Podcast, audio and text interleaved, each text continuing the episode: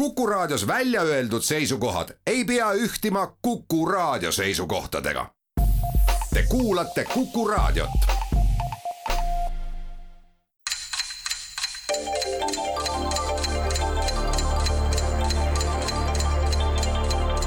tarkade klubi targemaid küsijaid toetab lisateadmistega Postimehe raamatukirjastus. Tere taas! kuku raadio Tarkade klubi tervitab häid kuulajaid kool ja kuu kolmandal laupäeval, kui veelgi lühenenud päevad ja veelgi halvenenud ilmad on tõepoolest seda kaamosega sarnanevat visuaali veelgi võimendanud, teinud sama elektri- ja soojaarvetega ning vast siin-seal ka inimeste tujudega aga selles hetkes on ka ootamatusi ja suisa helgeid ootamatusi, et mitte öelda anomaaliaid. Nagu näiteks seda, et jõulude kohta tavatult vara on kasvanud hüppeliselt investeeringud uuemasse televisioonitehnikasse, hüppeliselt kerkinud voogedastusseadmete ja vastavate pakettide ostud, rendid, liisingud ja tuju hoidmas üleval mingi kummaline ootusärevus, mis ei ole veel seotud jõuludega. ja see kõik on seletatav taaskord ühe anomaaliaga, milleks on liialdamata maailmas miljardeid köitev jalgpalli MM-finaalturniir miks anomaalia? aga vaadake kalendrisse ümmarguselt kadripäevast toomapäevani kestvat spordimaailma üht suurimat pidu pole varem nähtud ja vist ei nähta ka tulenevalt klimaatilistest tingimustest on turniiri toimumiskohas Kataris see suursündmus lükatud jahedaimasse aega, mida tollel Pärsia lahe äärsel kõrberiigil ja kohati ka diktatuuril pakkuda on. sellel nüüd lähemalt peatumata edasi minnes on Tarkade klubi saade oma uue tulemise kümnendal hooajal esmakordselt võtnud nõuks teha kummarduse sellele kuldsele karikale ja tema kummardajatele ja eetrisse tulla jalgpalliteemalise erimänguga. Ja tõepoolest, see meil on päris esimest korda ka nõnda, et kõik kümme küsimust on seotud maailma populaarseima spordialaga ja muidugi mõista on selle spordiala teemalistele küsimustele palutud stuudiosse vastama need, kes seda ala armastavad ja seeläbi teavad ka seda ala üle keskmise. ja ma tõtt-öelda ei mäleta ka, millal oli viimati Tarkade klubi stuudiotes nõnda, et terve nelik mängijaid on siin debütandid. täna on see nõnda juhtunud, kui ühisel platsil tervitame Kuku raadio saate Vutikohus saatejuhte, juba saate eetris oleku aegu Katari udusat päikest nautivat ja kõrbeliiva läbi sõrmede libistavat Sokkerneti Kuku raadio ajakirjanikku ja Uruguay'le pöialt hoidvat Ott Järvelat tere! ja Oti paarilisena kommunikatsiooni vallas täna tegutsevat ja Argentiinale pöialt pidavat Andres Vaherit. tere, tere! Nende vastastena on hea meel aga tervitada tuttavaid hääli ja kommenteerijaid samuti, tuua Meedia Networki spordivaldkonna juhti ning Inglismaa väga suurt fänni Toomas Vara. tere! Ning samuti mitmel rindel toimetavat kommunikatsioonispetsialisti, saatejuhti ja vaata et eluaeg Saksamaale pöialt pidanud Indrek Petersood. tervist! tõesti hea meel, et te olete meiega, noored maestrod.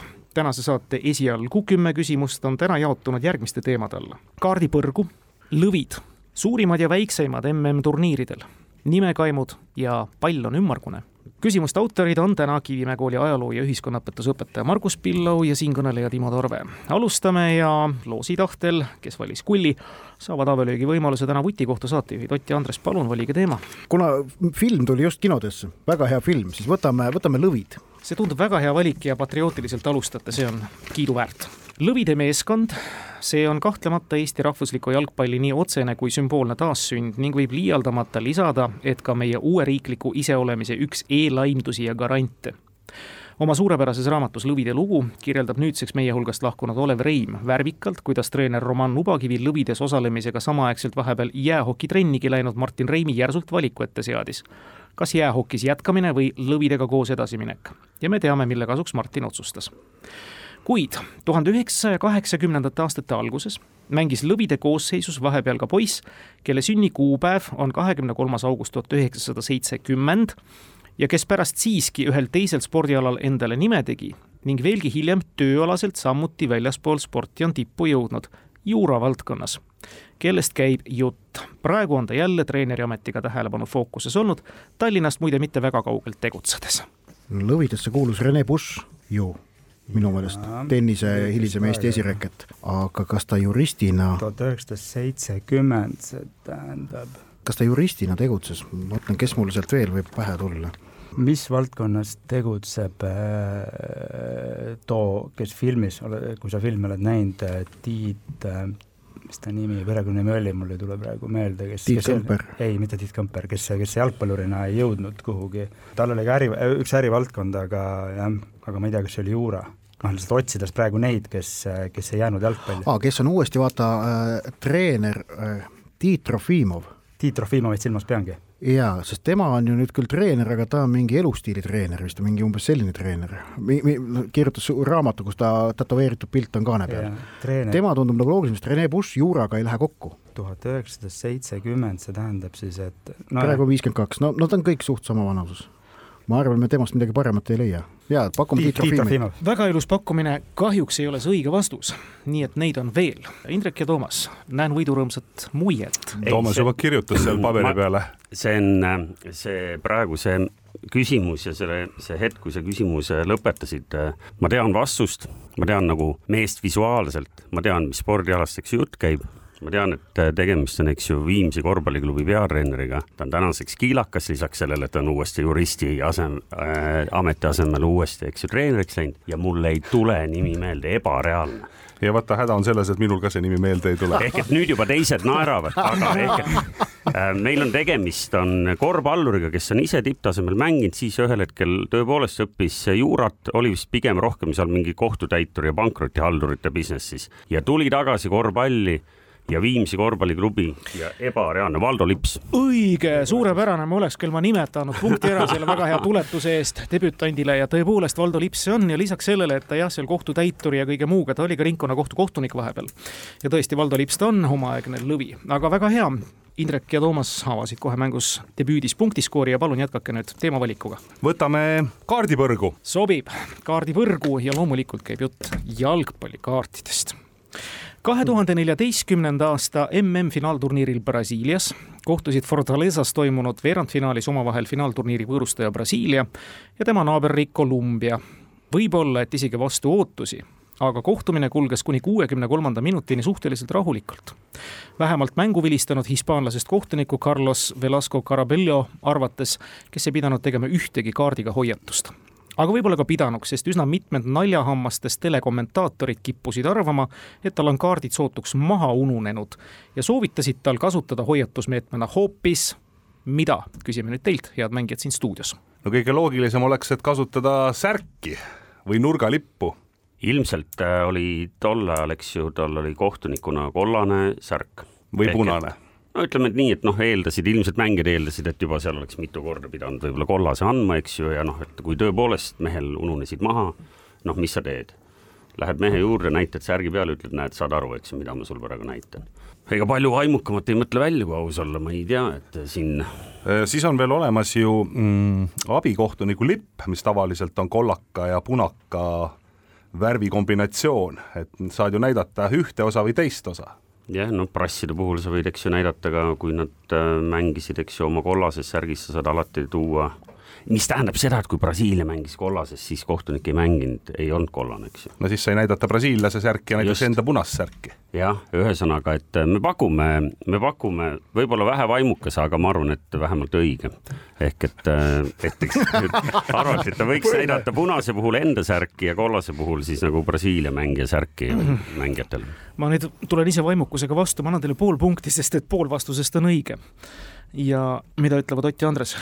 kuna Brasiilia vastane oli Kolumbia, kes mängis punase särgiga, siis nad said näidata punase kaardi puhul Kolumbia täpselt nii, just nii. aga miks Carballo selles mängus muidugi kaarti ei andnud, siis see on see FIFA tavapärane poliitika, et MM-idel me oleme näinud alates kaks tuhat neliteist oli esimene kord, kus me nägimegi, et äh, kohtunikele antud väga selged juhised kaartidega hoida nii koonerdada niivõrd palju kui vähegi võimalik. ma arvan, me näeme Kataris sama. ja väga õige, mängijate särke. Brasiilia mängis siis tõesti oma traditsioonilises kollases, Kolumbia oma võõrsil särgis ehk siis punases. kaardid olid Carbaljal siiski olemas, ta sai neid lõpuks näidata kokku neli, kõik olid kollased. kohtumise võitis kaks-üks Brasiilia, kes edenes poolfinaali, kus sai mälestusväärse üks-seitse kolaka Saksamaalt ja lõpetas lõpuks turniiri neljandana. see mäng on mul millegipärast väga hästi meelde jäänud. nii Ott ja Andres, teie valik. võtame siis vahelduseks äh, suurimad ja väiksemad. suurimad ja väiksemad ja siin ei olegi isegi midagi rääkida, kui et tegemist on tõepoolest sellise teemaga, kus me räägime otseselt sellest, millest teema kõneleb.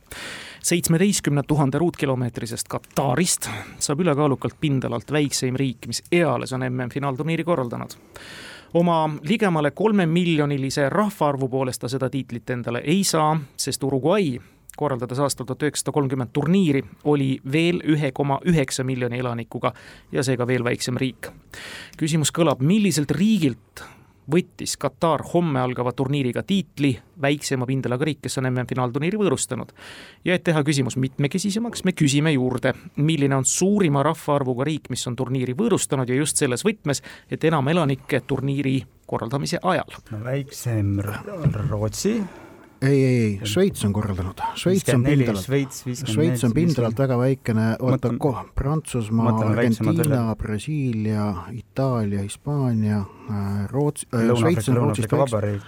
kõik, kõik suured, jah? kõik on suuremad, Jaapan ja Korea, nüüd on see, kas emb-kumb neist on Šveitsist väiksem. Jaapan ei ole. rahvaarvu poolest? ei, pindalalt oli. pindalalt. pindalalt väiksem, kas Lõuna-Korea on Šveitsist väiksem, see tekib küsimus ja pigem Šveits ikka pigem tahaks loota, et nemad, okei okay., ja siis teine küsimus puudutas on ju seda, et suurima rahvaarvuga. suurima rahvaarvuga turniiri korraldamise hetkel, loeme siis seda rahvaarvu nii-öelda kokku. nüüd on seal kas Venemaa või Venemaa USA või... või USA, USA üheksakümmend neli või Venemaa kaks tuhat kaheksateist? Jaapan ei. Jaapanil on sada kolmkümmend millegiga, sellega mm. nad ei löö aga USA üheksakümne neljandal aastal, palju neil siis võis olla, kas neil oli Brasiilia on vähem, ma lihtsalt mõtlen mõelda, mõelda, mõelda kõik läbi, jah. ei noh, midagi muud ju ei ole, sest et no Hiina pole korraldanud ja no mina jääksin Šveits ja Venemaa. no Šveitsi juurde ma olen nõus, Šveits või Venemaal kaks tuhat kaheksateist, palju neil praegu oli? Äkki oli rohkem seda palju Venemaal on elanikke ja vaata, Timo täpsustas ka, et, et hetkel hetkel, jah. jah, siis ma arvan ka, et Šveits ja Venemaa pakume. pool punkti. Šveits on õige. pool punkti, Šveits oli õige, eks ju. meie asi on nüüd mõelda, kumb kumb neist peale jääb, kas USA või Brasiilia? ehk et äh, sellel hetkel, et miks see hetk nii oluline on, mis äh, ei prassidel ega USA-l ei ole mingeid nagu kümnekonna ja paarikümne aasta jooksul nüüd nagu mingeid pööraseid vapustusi ju toimunud no,? USA-l ikka on Mehi, Mehi, Mehi, nagu Mehhikost sisseränne on tegelikult väga vägev olnud, neil on rahvaarv tõusnud väga palju. ma tunnen siin mingeid selliseid poliitilisi nagu suunavaid nagu, suunavaid selliseid jah, et, et ma juba, ma, ma võiks praegu vastata, kui Timo Taaro küsiks, et kelle poolt äh, Ott Järvela äh, USA valimistel hääletas hääletab, eks ju. Uruguay, ma, ei saa seal hääletada. Nii, aga, aga ma saan aru, et te annate meile selles mõttes vihjeid, et, et prassidel ei ole suurt nagu mingit migratsiooni või, või mingeid muid nagu mingeid rahvaste liikumisi olnud, et, et me peaks nagu vastama USA-ga. Tunduks loogiline jah, et, et selles vaates, ehkki mul küll sisetunne ütleb, et võib-olla seal Brasiilias on neid inimesi olnud tollel hetkel rohkem, aga aga no jääme siis USA peale või? Mis sa arvad, Toomas? paneme USA, jah. hästi teete, USA on tõepoolest õige vastus. Ja punkte on teil siis kokku täis kaks, Otil, Andresel praegu kokku üks.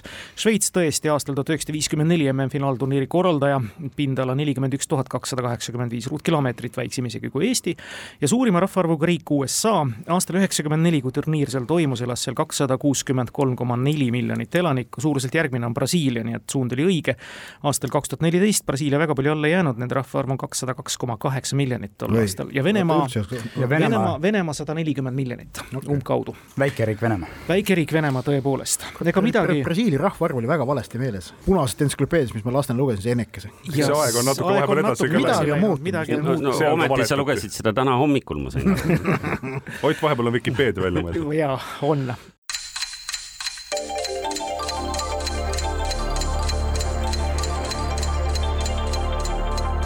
tarkade klubi. targemaid küsijaid toetab lisateadmistega Postimehe raamatukirjastus. aga Indrek ja Toomas, teie valik, me oleme jõudnud juba lobedalt neljanda küsimuseni. nimekaimud või? ja võtame ära üks Londoni Chelsea, praegu kolmekümne aastane, mullu Euroopa meistrivõistlustel silma paistnud poolkaitsja on üldsusele tuntud sama nime all, millega ka aastal tuhat üheksasada üheksakümmend neli maailmameistrist rahvuskoondise üks kaitsjast liige, kes sellel ajal samuti kolmekümnendal eluaastal ühtlasi Müncheni Bayernis mängis. Öelge see nimi. Jorginho. oi kui välk vastus. no siis nii kui Bayern, ma, ma juba mõtlesin, et ma panen pastaka eemale, kui see Bayern siia sisse tuli. see oli jah. siin oli lihtsalt see, see oli nagu õnneloos, et sa saad selle küsimusega, võtad õige pileti välja ja siis ei olnud siin mingit õnneloosi, puhas skill oli see praegu. ei no skill tõmb-, seisnes õnneloosi tõmbamises. jaa, no ega midagi, kas lähete sama loosi teed pidi või? ei, meil on ümmargune pall. vot, vot, vot, ümmargune pall ja miski ütleb mulle, et ka siit tuleb suhteliselt kiire vastus, aga mine tea. väike pinge pandi praegu saatejuhi poolt kiirelt peale. surve, surve. oma sünnilinna Amsterdami tippklubis ajaks, samuti Milano Interis ja Londoni Arsenaliski mänginud Dennis Bergkamp oli aktiivse karjääri vältel enda põlvkonna silmapaistvamaid nutivähi ilmselt ei vaidle keegi asjatundjatest vastu väitele, et ta omas ajas terve rea professionaalsete näitajate poolest oli ületamatu. siiski tumestas Bergkampi edu võimalikku maksimaalset avaldumist üks teatud konkreetne foobia, mille tõttu ta endale ka kindla hüüdnime sai. milline foobia ja milline hüüdnimi, küsimus on kaheosaline. küsitav hüüdnimi on eitav vorm ühest kuulsast müstilise sisuga mõistest, ühtlasi seda tähistavast fraasist, mis muuhulgas on tuntud näiteks ka Richard Wagneri loomingu kaudu ei no ta kartis lennata. lennu, lennufoobia, seda ja teab. oli lendav hollandlane, oli tal hüüdnimi. kuidas? lendav hollandlane. pool punkti. eitav, eitav. mitte lendav. mitte lendav. õige, õige. ära kiirusta täpselt, Ott kiirustas praegu ja no vot, see vasturünnakuga löödi praegu tagasi teile mm, -hmm. nii et siit tuleb kolm pool Indrek Toomas, aga no muidugi fakt on teada. oli jah, muidugi, non-flying. Non-flying, Dutch, Bergkampil oli aerofoobia ehk lennusõiduhirm, mis sai alguse pärast seda, kui üks tema sõpradest oli aviakatastroofis katastroofis hukkunud lennul, millel ta ise napilt minemata oli jätnud. ta käis ju Barcelonasse bussireisidega mängul ja noh, Inglismaalt niimoodi, et no, Arsenal lootis, et loosi vastased on pigem sellised, kuhu on võimalik bussi või rongiga Bergkamp kohale viia. halvimal juhul hääletades. Oled... Türki ei viidud. aastal kaks tuhat kümme muide Islandi kuulsa vulkaani purske aegu, kui lennukid Euroopas maa peale jäid, hakati seda aega kutsuma Bergkampi ilmaks muide mm. toona. nii et ka sellisesse folkloori on ta siis panuse andnud, mitte ainult äh, Wagneri loomingusse. poolteist Ott Ott, Andres, Indrek, Toomas kolm pool, kui pool mängu on selja taga, ehk siis läheme teisele poolajale vastu ja te saate valida, Indrek ja Toomas. aga teeme veel ühe kaardipõrgu. väga hea mõte. tuhande üheksasaja üheksakümne kaheksanda aasta kevadel leidis Hampshire'i krahvkonnas Andoveris Inglise ühe kohaliku pühapäevaliiga kahe võistkonna vahel aset mäng, mida toona neljakümne kahe aastane Melvin Sylvester vilistas selle käigus tekkis rüselus ja kohtunik oli punast kaarti näitama sunnitud kahe tuhande viienda aasta alguses toimus ühes teises sama maa pühapäevaliigas jälle üks mäng, kus kolmekümne üheksa aastane kohtunik Andy Wayne samuti punase kaardi välja võtma pidi, seekord aga platsil teoks saanud ägeda sõnavahetuse tõttu mille poolest kirjeldatud juhtumid paljude omataoliste hulgas erilised või eriliste tagajärgedega on? no mis võis juhtuda, kui kohtunik hakkab punast kaarti näitama, miskipärast ta seda välja hakkab võtma, aga tundub, et see sealt välja vist ei tulnud. kas oli tekstis nii, et hakkas näitama või? kohtunik oli punast kaarti näitama sunnitud, sunnitud ja teisel puhul pidi samuti punase kaardi välja võtma. ehk siis ikkagi võttis kaardi välja? jah, mõlemal puhul võttis välja. siis on küsimus, mis sellele eelnes sellist, et, et ta seda tegi? esimene oli rüselus, teine oli sõnelus. Need on omavahel kuidagi sarnased, need kaks jah, sarnased, mingid kurioosumid jah, ja ometi üks on nagu mingit moodi vägivaldne ja üks on lihtsalt äh, sõnavahetus, eks ju. rüselus, jah, seal pidi siis olema kõigepealt mingi sõnelus ja siis hakkasid tõuklema ja teinekord anti kohe punane no,. millega sa lähed ajalukku, et see ületaks raadioviktoriinis uudiskünnis, et, et punaseid kaarte antakse iga nädal üle maailma nagu kümneid ja kümneid tuhandeid, eks ju, ja meil on nüüd kaks Inglismaal juhtunud äh, case on nagu välja valitud ja miks just sellistel aastatel? üheksakümmend kaheksa kevadel. ja kaks tuhat viis, eks ole? kaks tuhat viis, jah. kaks tuhat viis isegi midagi nagu naljakat ei tule pähe. kas solvas kuningat või kuningannat või midagi või midagi sellist nii drastilist tegi või mingi poliitilise avalduse või? üheksakümmend kaheksa kevad, mis veel üheksakümmend kaheksa kevad juhtus? ajaloohuviline Petersoo üheksakümmend kaheksa suvel juhtus jalgpalli mm, seda ma mäletan, üheksakümmend kaheksa kevadel, mis võis juhtuda veel ja kaks tuhat viis. ja meile öeldi kohtunike nimed ka, kas kohtunike nimed on nagu oluline siin, ei, ei ole lihtsalt, et see on nagu ma saan aru, siin küsija selline nagu faktitäpsus. just nimelt eks me peame midagi välja mõtlema, me ei tea, aga, aga, aga mis võiks olla kõige huvitavam kurioosum, mis aset leidis? mina pakun, et, et see teema, mille nimel seal siis nalja heideti või, või mida solvamisena kasutati, oli kuidagi kas poliitiline või, või kellegi isiku suhtes sedavõrd räige, et selle tõttu otsustas kohtunik punase kaardi näidata, Inglismaal see toimus. võib-olla siis kuninganna osas saadeti mingi pilgu, pilge lendu jah, ilmselgelt äh, üheksakümne kaheksandal aastal kevadel mängisid omavahel mis iganes satsid need olid seal Hampshire's, äh, aga katoliiklased ja protestandid, seal läks rüseluseks ja kahe tuhande viiendal aastal lihtsalt solvati kuningannat. Äh, ega siin muud varianti ei ole. on ikka, nii et punkti see teie vastus kahjuks ei too no kuna need teod, mille eest punane kaart tuli, olid erinevad, üks oli rüselus, teine solvang, siis ma arvan sõnelus. või sõnelus, jah, no et siis mul on tunne, et äkki see ühendav lüli võib olla see, mis seda kaarti näidanud või kaardi andnud kohtunikuga juhtus? ehk et äh, kohtuniku lükkamine, tõukamine no ma alguses tahtsin pakkuda, et kohtunik löödi maha ja, ja noh. ei no mida paraku on juhtunud maailma jalgpalli ajaloos. ja, ja siis äh, paarilises diplomaat asus seda, asus seda nagu reaalsemasse maailma to tooma et.... selge, vastuse mõte on arusaadav, ka vale. kuulge, see on nüüd esimene vastus, mis äh, Nii. meil tulemata jääb ja mille peab saatejuht välja ütlema. nimetatud kohtunikud näitasid punast kaarti iseendale, kuna Oho. olid ennast mainitud reeglite rikkumisest väljakul oma ebaprofessionaalsest kaasa näidata, näidates kaasa tõmmata lasknud selles oli küsimus. see on päris huvitav praktika, võib-olla tasuks neid teinegi kord proovida. ja saame näha, saame näha. mõnes lähedal, lähedal asuvas liigas ja näiteks, näiteks, näiteks. Te muidu teate, noh, seal see, see vist ei ole päris linnalegend, sest seal on ikkagi reaalsed nimed ja taga, et nagu ja. mis, millest äh, maailma kõige kiirem punane kaart nagu tuli. Äh, ja see oli see, et äh, noh, F-tähega sõna, et uh, me that's loud. Mm. kui kohtunik vilistas avavile, siis üks mängija teatas F me that's loud ja selle peale tuli punane kohe kolmas sekund, midagi umbes sellist. kaardipõrgu on esimene teema, mis täna ammendatud saab, me jätkame vahvalt kolm pool Indrek ja Toomas ning vutikohtumehed Ott ja Andres poolteist, kõik on veel võimalik. palun, te saate teema valida. no me proovime lõvisid uuesti, me proovime lõvisid uuesti. väga hea Ott vist ei märganud, et ma olin ka seal äh, selle filmi. ja, ja ei ma aga paljud teist raamatut on lugenud ja seda mäletavad. vaatame. olen, ma ostsin selle raamatu, kui ma olin äh, mingi umbes kolmandas või neljandas klassis taskuraha eest, meil kooliraamatukokku tõi Olev Reim need ise müügile. küsi-, küsi-, küsimus oli Timo puhul, et seda ka mäletavad. kas sa lugenud ka seda oled? olen, ei olen, olen, ma lapsena ikka lugesin kapsaks, sellepärast et oleme ausad, kui mina laps olin, jalgpalliraamatuid eestikeelseid oli väga vähe ja, ja see oli üks, mis kätte sattus, muidugi lugesin kapsaks. aga siis vaatame, testime teadmisi. Islandi nimekas Vutiast Steintor Freyr Torstensson on vist tuntuim, aga kaugeltki mitte ainuke pallur maailmas, kes on vähemalt osa oma karjääri jooksul silma paistnud millegagi, millega ka üks lõvide mängija teatud asjaolu tõttu teistest eristus. praegusel novembrikuul veidi pärast isadepäeva vihjame, et ülejäänutega võrreldes ka kõige varem juba seitsmeteistkümneselt isaks saanud meeskonnaliige kes ja mis mänguelemendiga? kas see peab äkki saltoaut olema? Risto Kallaste saltoaut?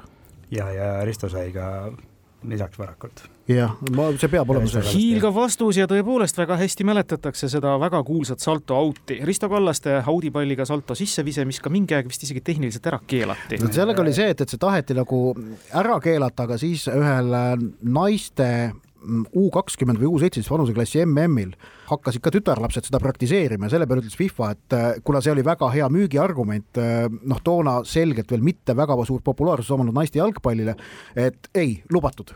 ja, ja noh, see oli ajend, miks see uuesti lubati. väga hea ja tõepoolest, Risto Kallaste vihjatud esiklaps Ken Kallaste, samuti siis Eesti koondise tasemel mängija. Läheme edasi, ka lõvid on nüüd täna ennast teemana ammendanud ja palun, Indrek Toomas on sul mõtteid? paneme nimed uuesti.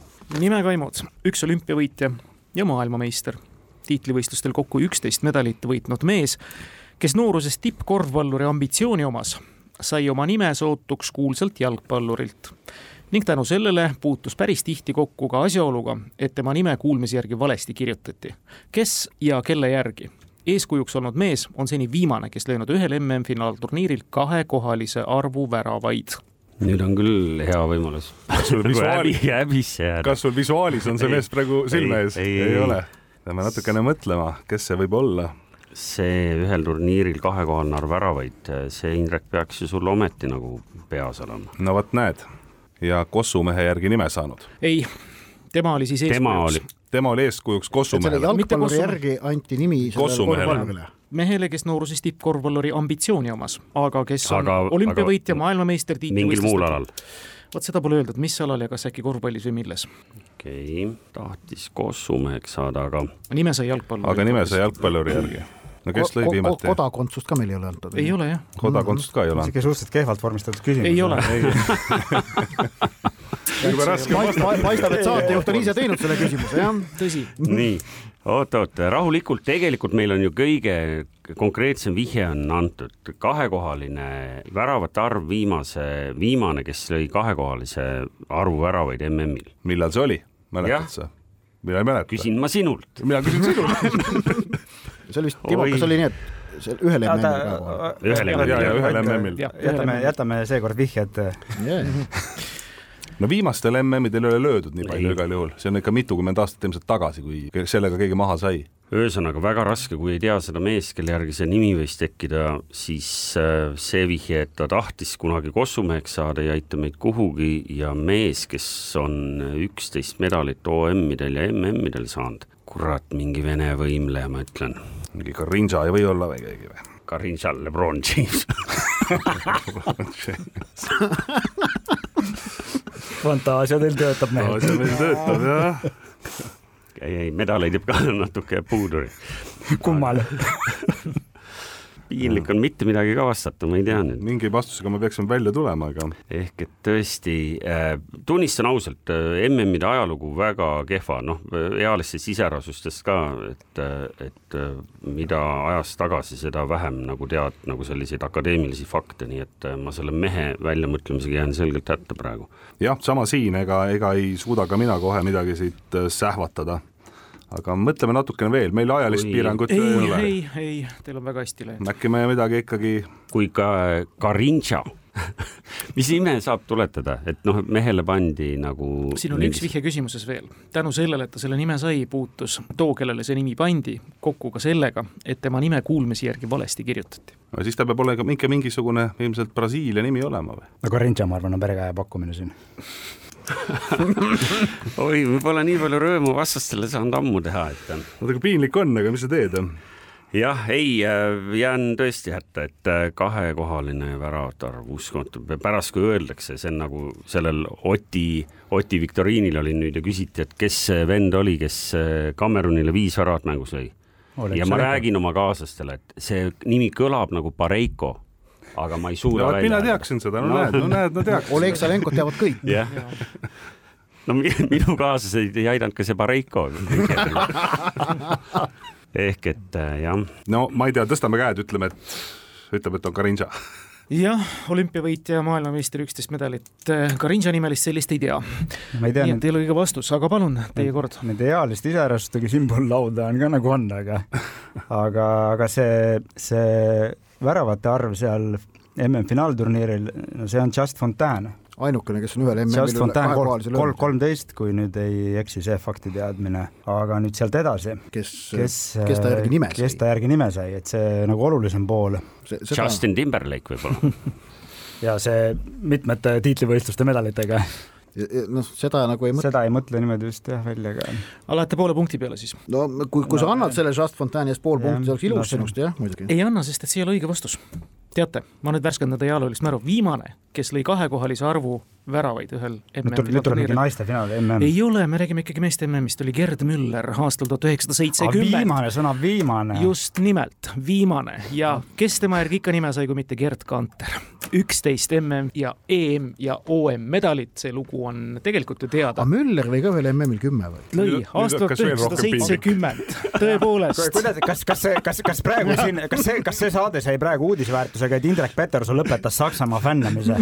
jah ei, Indrek Peterson läheb, koju, hakkab kohe lugema neid ajalooraamatuid uuesti läbi. kontrollib selle fakti üle, eks. Gerdiga oli tõepoolest see lugu, et see nimi oli ju siinmail võõras ja alati kirjutati teda Gert tugevat T-ga. Kanter, tõepoolest, Kanter hevis siis väga korvpalli ambitsiooni, seda ta ei saanud ja temast äh, pärast maadlejaks voolimist üritati ja siis ta läks lõpuks ketast heitma. aga vot see on, see on see, et, et ei tohi mälu usaldada, ma olin täiesti veendunud, et Fontana on ainukene, kes on löönud MM-i ühele MM-i kahe mina, mina ei pööranud sõnale, tähelepanu sõnale viimane. tuhat üheksasada seitsekümmend Mehhikos, turniiri parimana kümme, Müllerist sai siis sakslasest maailmameister seitsekümmend neli, Euroopa meister seitsekümmend kaks. Nonii. sellest on... saates tuleb ikka kuulata küsimust ka. ja mina näiteks hakkasin mõtlema, et, et see on hea mõte. ilmselt küsitakse perekonnanime või, või siis ei. jah, aga näed, läksin ka valel rajal ära.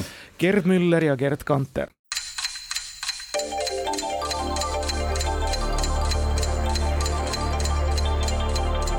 tarkade klubi targemaid küsijaid toetab lisateadmistega Postimehe raamatukirjastus. Andres ja Ott. kuidas sul ümmarguse pallikott oleks? Võtan. ma viimati jälle Coca Arena'l mängisin, siis mul ühtegi ümmargust palli selja taha ei löödud. no võtame siis no, veel ühe nulli, võtame veel ühe, loodetavasti mitte nullimängu. selle saavutusega ma arvan, et sa saad nii mõnedki head aastad kelkida, sinu selja taha pole Coca Arena'l mitte ühtegi palli löödud. just nimelt. aastal tuhat kaheksasada seitsekümmend neli kohtus Birminghami Aston Villa sõpruskohtumises sama linna klubiga Aston Brook St Mary see ei olnud päris tavaline mäng, kohtumine kestis küll kaks korda nelikümmend viis minutit, kuid esimesel poolajal mängisid klubid omavahel nii ja teisel poolajal naa mida konkreetselt mõtleme me siinkohal nii ja naa all, ehk et kuidas need kaks nimetatud klubi omavahel matši maha mängisid? äkki oli üks poolega üks mäng, teine poolega teine mäng, ehk et äh, toona olid äh, ju tegelikult ja, äh, klubid mängisid erinevaid sportmänge, et võis olla jalgpall ja rugby või jalgpall ja kriket näiteks. pigem. Mu esimene loogika ütleks, et nad mängisid erinevaid spordialasid erinevatel poolaegadel tõsi, punktisüsteemid muidugi ei ühti üldse rugbyl no,, kriketil see... ja, ja, ja jalgpallil seal nagu mitte mingisugust või, või siis mis on veel variandid, et mida nad said teha? võtame ka endale väikse aja nagu siin. võtke, võtke. jaa ja, ja toona olid veel ka jalgpalli no, välja, versioonid, jalgpalli versioonid, tähendab jalgpallireeglitest olid toona ka erinevad versioonid. oot, kas oli sama linna klubiga või? mõlemad Birmingham. mõlemad Birmingham. üks Aston Villa, teine Aston Brooks. pigem mängiti, pigem mängiti Inglismaal oli see, et, et olid erinevates linnades olid erinevad reeglid, et vaevalt, et sama linna klubid mängisid erinevate reeglitega. see oli meil öeldud, et need mängiti järjest, need poolajad. kaks korda nelikümmend viis minutit, jaa aga äkki ikka oli, et siis noh, no ta minu arust reegel on teine variant, et üks poolega ühe meeskonna reeglite järgi, teine poolega teise meeskonna reeglite järgi. see tundub, see tundub loogilisem, kui see erinevad mängib. Et, et kuna jalgpallireegleid toona oli, oli erinevaid, erinevaid jah, et üks poolega ühe meeskonna reeglite järgi, teine teise poole ja teine teise meeskonna reeglite järgi. ma kuulan teid. me ikkagi pakume, et äh, pigem nooguta kaasa või raputa pead, et Noogutan pigem oli praegu. kaks erinevat spordiala üks oli siis tolleks hetkeks, mis iganes see kohalik jalgpallireeglid olid, eks ju, ühe linna satsid, aga ma arvan, et teine, kriket võiks olla teoorias, aga ma arvan, nelikümmend viis mintsi jääb liiga väheks, et seda üldse üritada sinna sisse mahutada, et see pigem on rugby. õige, ja siit nii. tuleb punkt, nii ja. on ja asja vihje on siis see, et Aston Brook St Mary oli tuntud rugbyklubi Birminghamist mm ja Aston Villale oli see muide üldse klubi esimene matš tollel aastal asutatud. mind huvitab ikka, kuidas nad punkte lugesid, sest ausalt ka. seda, sellest ajalugu nüüd vaikib vähemasti küsimust koostades mõttes ma ei leidnud ka seda, hakkasin ka sama asja järgi nii-öelda huvi tundma. sest rugby punktisüsteem pole ka aja jooksul muutunud, ikkagi viis pluss kaks selle noh, löögivärava eest ja, ja vabandust, kolm löögivärava eest ja viis pluss kaks selle palli mahapaneku eest. sellel ajal lihtsalt oligi veel kaks erinevat jalgpalli ma näen, et sa ei ole ka rugby unioni reeglitega kursis. No, see oli rugby union, mis ma ütlesin praegu ju. no viis siin on, siin on meil ka kaks erinevat punkti arvestust. just nimelt. üks on rugby union, teine on rugby league. nii nii et sina hakka lugema neid Inglismaa jalgpalliraamatuid, mina ja. võtan Saksamaa omad ette. see on üks väärt soovitus. me oleme tegelikult nüüd normaalaja viimase küsimuse juures ja vaadates saate tempot, ma, kange kiusatus on teha teist korda selles saates seda ajalugu, et me mängime rohkem kui kümmet küsimust ehk ka lisaaega, sest et küsimused on selleks ette valmistatud. penalt, penalteid me meile, tahaksime. meile vist tulenevalt punktiseisust sobib. ja teil on kaks pool ja Toomasel Hindrekul on neli pool. Te saate nüüd äh, tõepoolest selle viimase küsimuse normaalajal, see on siis suurimad ja väiksemad MM-turniiridel Katar saab homme algaval MM-finaalturniiril kõik kuuskümmend neli kohtumist ära võõrustatud kokku kaheksal staadionil viies erinevas linnas või noh, linnalises asumis, ütleme siis nii. aga on ka vähemaga hakkama saadud, näiteks esimesel MM-finaalturniiril üheksakümmend kaks aastat tagasi Uruguay's said võõrustajad hakkama kolme pealinnas Montevideos asunud areeniga. kuuekümne aasta tagune MM-turniir Tšiilis mängiti ära neljal staadionil küsimus kõlab, millisel MM-finaalturniiril aga lasti käiku kõige enam mängustaadione, kokku suisa kakskümmend erinevat, kus mängud toimusid. ühel neist staadionitest, kõige lõunapoolsemal, oli õnn või õnnetus võõrustada kolme kohtumist, mis kõik lõppesid tulemusega üks-üks. Mehhiko, Itaalia, Tuneesia, Belgia, Rootsi, Senegal. kas ei võiks, Toomas, olla Jaapan ja Lõuna-Korea? Ei osanud arvata, kusjuures ma ei taha laiata, ma oleks ära vastanud selle esimese vihje, et, et, et esimesel MM-il mängiti ainult ühes linnas ja kolmel statkal, seda mingi lapsepõlvest mingil seletamatul põhjusel on nagu peas. võib-olla lootsin, et see tuleb küsimuseks, mõtlesin, ma olin juba valmis püsti kargama ja, aga ei, ühesõnaga kakskümmend statkat pidi olema, iseenesest see loogika, seal võib olla mingi loogika, eks ju, et nad tahtsid võimalikult noh, kahe riigi vahel oli jagatud, see oli esimene jagatud, eks ju, MM. jah, täpselt on. niimoodi. nii, ja siis nad nuputasid, et kuidas seal võimalikult nagu palju välja võtta, et kumbki seal nuputas endale kümme statkat. ja kas see pole ka seni ainus jagatud MM? ja, ja, ja. seni on kuni järgmiseni. Ehk seni et... on kuni järgmiseni. ja teine siis variant on keegi hästi suurtest riikidest äh, USA-s kahtekümmet statkat küll ei olnud, ma praegu samal ajal, kui ma nagu loobin neid välja, siis ma vaatan, mis äh, Ott teeb teisel pool lahti. irvitab, otsesõnu öeldes. aga ütleme siis. Venemaal kahtekümmet statkat küll ei olnud. ei olnud ja noh, seal puudub ka praktiline vajadus nii paljude staadionite järgi, kui see on ühes riigis. isegi kui on riik väga suur, ma ei usu, et Venemaa nüüd seal nii paljudes staadionitega. ehk et meil oli kaks riiki, mõlemal oli infra enam-vähem olemas, nad tahtsid nii paljudesse kohtadesse viia kui võimalik. ja siis tuligi summas kokku suur. Ja kui sa mõtled neid võistkondi, kes mängisid, siis mäletamata nüüd täpselt, kes sellel turniiril kaasa lõid, aga need nagu võisid seal küll ja, kõik oota, olla. oota, oota, äh, Timo, ütle need paarid korra igaks juhuks veel äkki. Mehhiko, Itaalia, Tuneesia, Belgia, Rootsi, Senegal, kõik kohtumised üks-üks. võiksid olla, eks ole, sellel MM-il kõik need võistkonnad mänginud. ja me paneme siis selle, see tundus meile loogiline äge, ma oleks võinud kohe öelda, et õige, aga lasin teil natukene arutleda, et kuulata teie meeldivaid baritone. täpselt nii ongi. Ja Senegalil oli see debüütturniir, see oli ka väike vihje sinna juurde.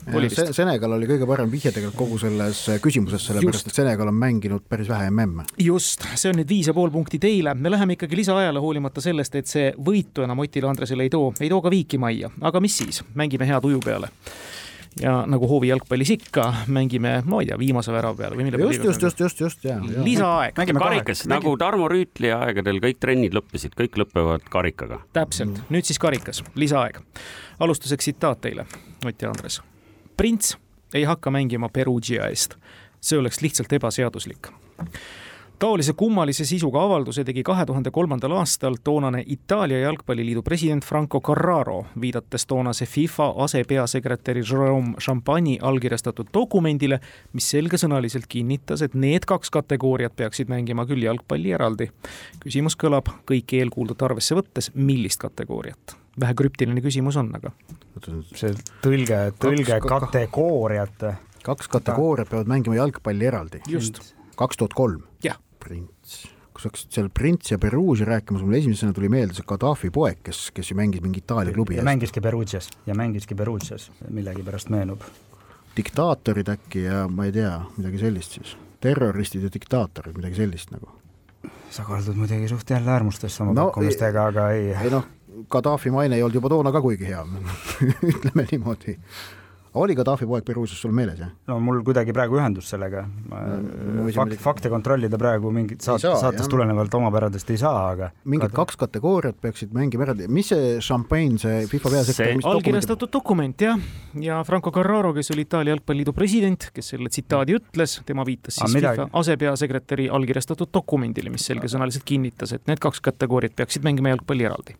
maffia. ei oota, ei, kui FIFA peasekretär ütleb, et mingid peavad mängima era-, eraldi. see nagu mingi loogika ütleb, et need on kuidagipidi nagu jalgpalli sees toimivad kategooria, mulle see sõna kategooriad nagu segab no, praegu. ma ei kujuta ette, kaks tuhat kolm vast enam naiste jalgpalli kohta niimoodi ei, ei öeldud. Öeldi ikka, ma annan teile punkti rahalastuses, täpselt nii, naised ja mehed.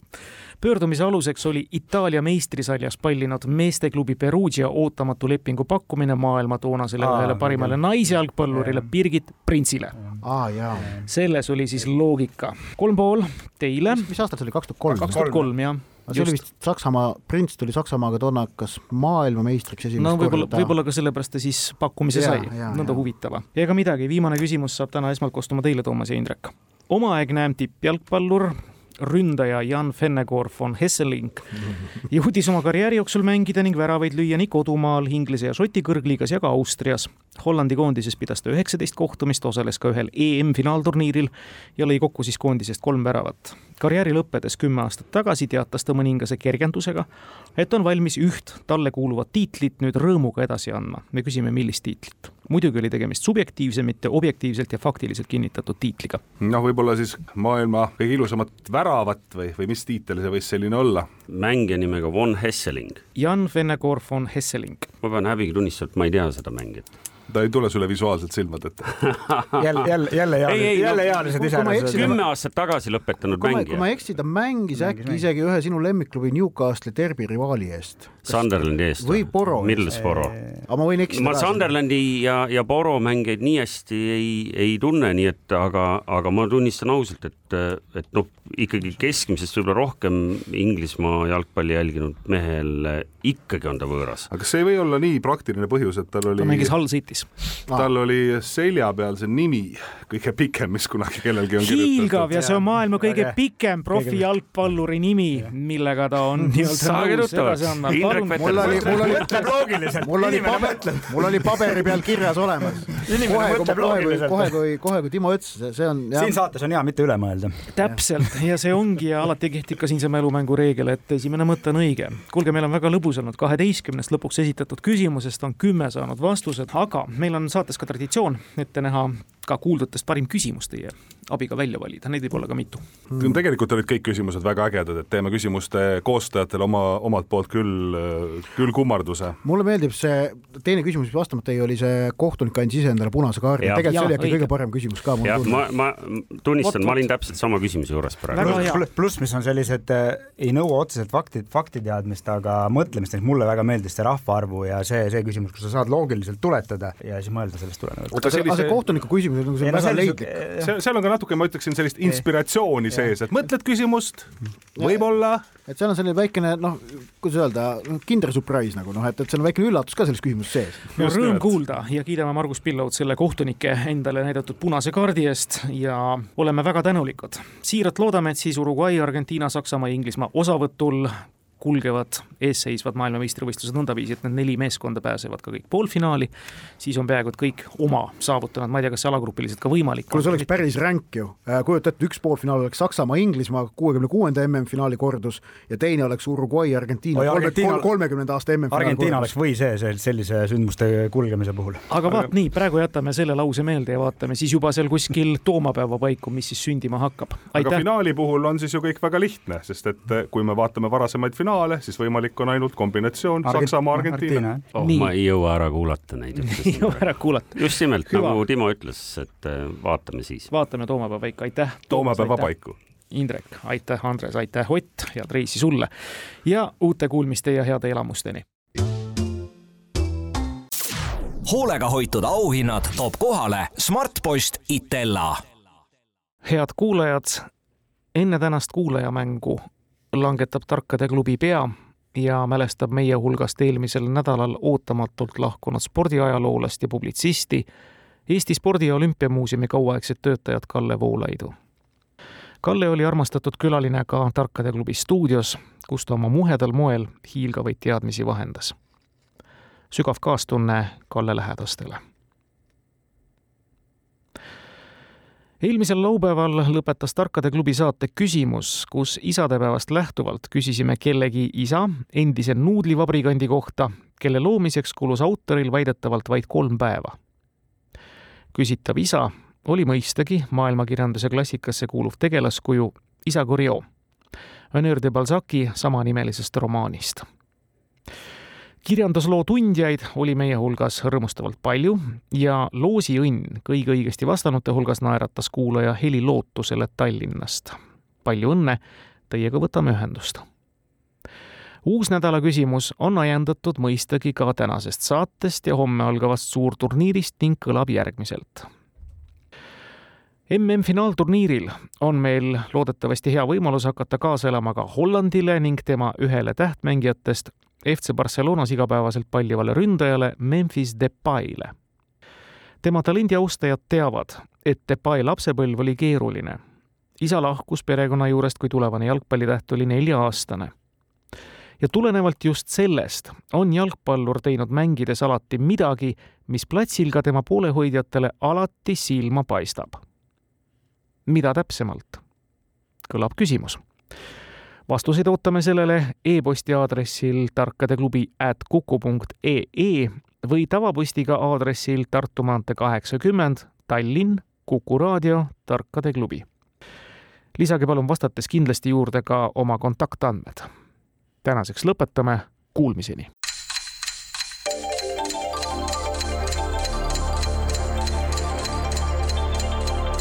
tarkade klubi targemaid küsijaid toetab lisateadmistega Postimehe raamatukirjastus